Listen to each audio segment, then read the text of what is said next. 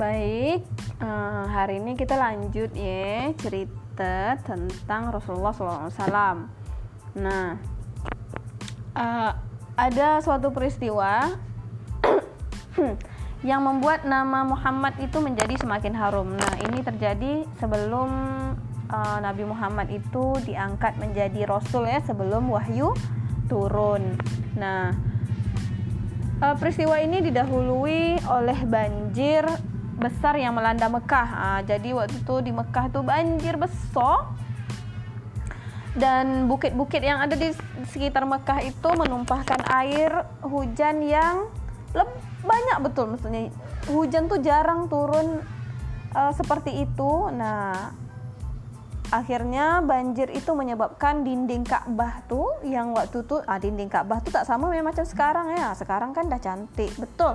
Dulu tuh um, dari papan dari kayu gitu nah waktu itu udah lapuk ah, kena hujan tadi kena banjir yang parah tadi dinding Ka'bah pun jadi retak dan terancam runtuh ah, roboh dia hampir roboh gitu nah setelah banjir tak bisa dielakkan lagi bahwa dinding Ka'bah harus segera diperbaiki dan ditinggikan. Hmm. Nah, kemudian uh, pembangunan dinding Ka'bah pun berjalan dengan lancar sesuai dengan rencana.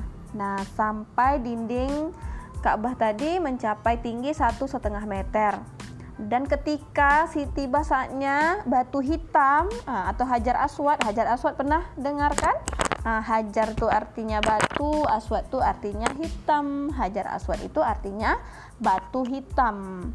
Nah, tiba saatnya batu hitam ditempatkan kembali ke tempat semula di sudut timur. Nah, karena ini merupakan upacara suci penuh kehormatan bagi orang-orang Quraisy di Mekah, akhirnya tiap uh, ini ya, tiap kabilah, tiap suku yang ada di situ berebut untuk melaksanakannya. Berebut untuk oh, aku nak ngangkat, biar kami yang letakkan, biar kami ya. Kabilah Abdudar Nah, suku Abdudar ini merasa lebih berhak daripada uh, kabilah lain sehingga kedua kelompok saling beradu mulut sampai suasana menjadi semakin panas. Nah, dah hampir berkelahi dah orang dua kelompok nih. Nah, pas di tengah keadaan itu muncullah Abu Umayyah bin Al-Mughirah namanya.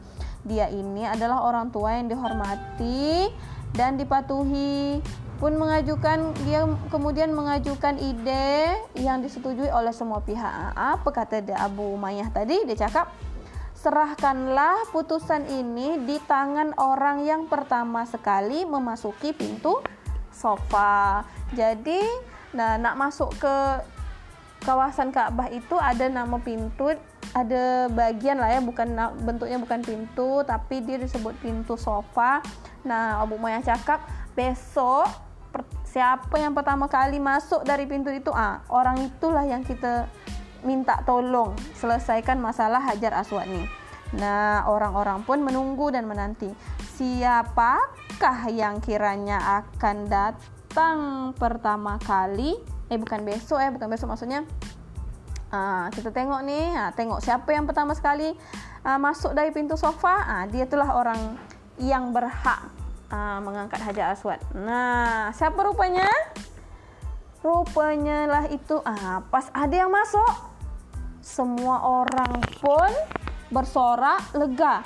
Yang masuk ternyata adalah Muhammad. Tentu saja Muhammad. Semua orang suka, senang. Sebab apa? Sebab Muhammad ni uh, dah terkenal dengan sebutan Al-Amin. Apa namanya? Al-Amin. Ah, ini dia Al-Amin kata orang tua. Eh. Al-Amin artinya yang bisa dipercaya. Ini dia Al-Amin, dia adalah orang yang bisa dipercaya. Kami yakin dia bisa memecahkan persoalan ini. Kami akan menerima putusannya. Nah, Muhammad waktu itu belum lagi berumur 30 tahun. Tapi mereka tahu bahwa Muhammad ini orang yang tadi gelarnya adalah Al-Amin yang bisa dipercaya. Ha, dia bijaksana. Orang percayalah pokoknya dengan Muhammad nih. Nah, kemudian disampaikanlah masalah ini tadi kepada Muhammad Dan Muhammad pun kemudian berpikir sejenak lalu berkata, bawakan aku sehelai kain. Kata dia, bawa sehelai kain. Kain pun dikasih ke Muhammad. Muhammad pun mengambil dan melempar. Ah, pokoknya dibentanglah kain tuh. Dibentang kain tuh, dia ambil hajar aswad. Hajar aswad tuh tadi apa hajar aswad? Batu hitam. Diletakkan di atas kain tuh.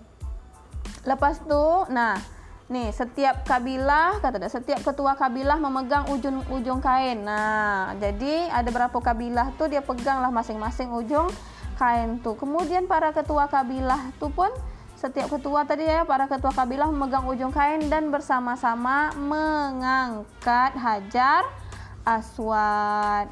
Nah, di tempat hajar aswad semula berada, Muhammad mengangkat dan meletakkannya kembali. Nah, semua kabilah merasa adil, merasa sangat adil dan puas dengan keputusan Muhammad. Nah, sejak itu Muhammad semakin dikenal. Nah, apa tadi gelar de Al-Amin? Artinya yang bisa dipercaya. Oke. Hmm, siap untuk pertanyaan? Nah, pertanyaan dua aja malam nih. Yang pertama, apa tadi arti Hajar Aswad? Ha, okay. Apa arti hajar aswad? Ha. Yang kedua, pertanyaannya adalah